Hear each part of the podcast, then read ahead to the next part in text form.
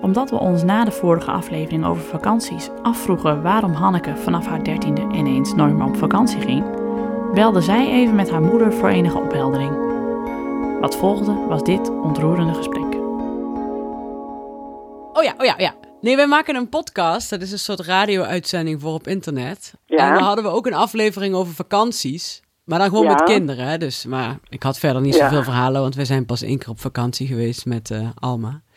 En Ja. toen eh, hadden, zij, hadden die anderen het steeds over hun vakanties op campings en zo. En toen vroegen ze aan mij van hoe vaak, hey, hoe- wat, wat deden jullie dan op vakantie? Ik zei, nou, wij gingen eigenlijk niet heel vaak. Een paar keer naar Oostenrijk en een keer naar Londen en naar Parijs. Maar niet ieder jaar, zei ik. En op een gegeven moment, toen ik elf was of zo, of twaalf, toen zijn we er helemaal mee opgehouden met vakantie. En, en toen kwam je er keihard vanaf aan. Nou, ik vond, het nooit, ik vond het nooit erg dat we niet op vakantie gingen, laat ik het zo zeggen. Want jullie hadden het toch leuk, gezellig onder elkaar met de tent. In de achtertuin of... Ja, en, en de laatste tijd stond hij altijd onder de kersenboom. Ja, precies. Pap zette dan altijd die tent op en dan was er altijd wel, eh, waren er kinderen. En jij amuseerde je ook altijd heel goed. Ja. Ik vond het altijd, want ik moest nog vaak, dan lagen jullie allemaal in de tent, en jij erbij. En dan moest ik af en toe door de raam boven roepen dat jullie stil moesten zijn. In de, in de Want dan achtertuin. ging dat meestal door tot een uur of tien, half elf. Ja, die tent die stond daar, eh, hoe lang, eh, Leo? Wel, wel, wel de hele zomer, hè? Die tent. Ik heb nooit het idee gehad dat slapen in die tent geen vakantie was. Ik weet nog precies hoe het binnenin rook. Het gras, de zon die op het enkele tentzeil scheen. Dan bleven de vriendinnetjes slapen. Er was er eigenlijk altijd wel eentje die niet op vakantie was en dus maar op vakantie kwam bij ons in de achtertuin.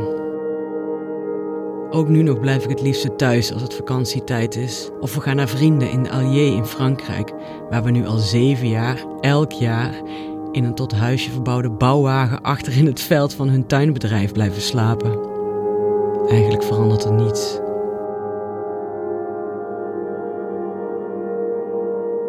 Maar wat maakte nou dat jullie dachten, nou gaan we niet meer op vakantie? Dat was ik Ja, nieuwsgierig dat, wie- dat, ja, dat ben ik me af aan het vragen, Hanneke.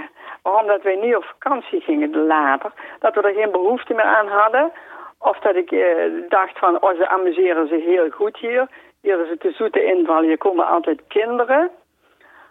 Of dat, eh, ja, qua financiën zaten we er toen natuurlijk ook niet slecht voor dat het daar niet aan gelegen heeft. Dus ik ben eigenlijk een beetje aan het uitzoeken waarom eigenlijk.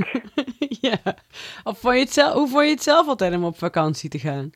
Ja, dat vond ik best wel, eh, net als die vakantie in Oostenrijk, weet je, met de familie van eh oom Frans. Ja. Daar was jij toch ook bij? Ja. Dat, dat gespeurd in, de, in dat zwembad, dat, dat de mensen kwaad waren. Ja, ja, ja. Weet, weet je dat nog? Toen maakten we te veel Dat, herrie. dat vond ik altijd. Die twee vakanties, die vond, daar zijn we twee keer geweest, hè? Dat Ja. waren de vakanties, Hanneke. Interessant, hè? Ja. En dan zullen ze, dan zeggen ze misschien, eh, is wel zielig voor jou geweest, zeggen ze dan dadelijk, hè? Of niet? ja, het zal wel meevallen. Trouwens, nou, ik me, dat, toen Ankie overleed, hè, op, was toch ook op vakantie, bedenk ik nu ineens.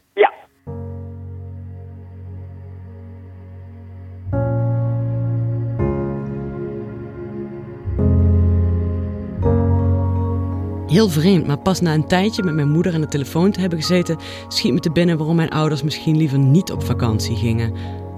Ankie. Mijn zusje dat op haar derde verjaardag overleed op een camping in Zeeland, toen mijn broer en ik nog niet geboren waren. Mijn oudste broer was er wel al. Die was toen bijna vier en heeft alles gezien. Hoe mijn zusje in elkaar zakte, hoe mijn moeder haar vasthield, hoe mijn vader in paniek iemand uit de telefooncel rukte, de ambulance, alles. Ze bleek een hartaandoening te hebben en stierf ter plekke. Gek eigenlijk dat ik daar niet eerder aan heb gedacht. Dat is in 74 gebeurd, hè, Hanneke? Ja, dat heeft natuurlijk wel erin gehakt, maar ja... Ja... Zijn we niet meer op vakantie gegaan. Heeft Tante Nel ook... Tante Nel van Ome Huub ons toen ook niet meer gevraagd om mee naar Zeeland te gaan. Dat, eh, ja, dat lag een beetje voor de hand dat ze ons een beetje met rust wilden laten. Ja. Ik weet dat oma zei, eh, oma Hoedemakers, die zei tegen mij, dat weet ik nog heel goed, die, die woorden die heb ik nog steeds in mijn kop zitten. dat zei ze, Nel ziet maar heel blij dat Ankie al spelend dood is gegaan. Ja. Dat zei ze toen. En dat herhaalde ze zo van tijd tot tijd. Ja. Ja. Want wanneer gingen jullie dan daarna voor het eerst weer op vakantie? Daarna gingen wij voor eerst op vakantie. Ja, dat heeft in verschillende jaren geduurd. Ja. Maar je vond het niet eng toen om nadat Ankie dood was gegaan op vakantie te gaan? Als zo'n zo'n moeder dat projecteert op de kinderen, dan bezorg je die kinderen een on- ongelukkige jeugd. En dat is helemaal niet goed. Nee. Je bent, ver- je bent verplicht om je kind een gelukkige jeugd te geven. Ja. Dat hebben ze verdiend, want zij hebben niet om het leven gevraagd.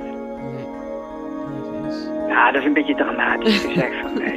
Nee, maar we hadden wel een gelukkige jeugd. Ook al gingen we nooit op vakantie. ja, maar dat vind ik ook fijn. Dat vind ik ook hartstikke fijn. ja, goed hoor. Ja, en dat was mijn, eh, dat was mijn voornaamste doel.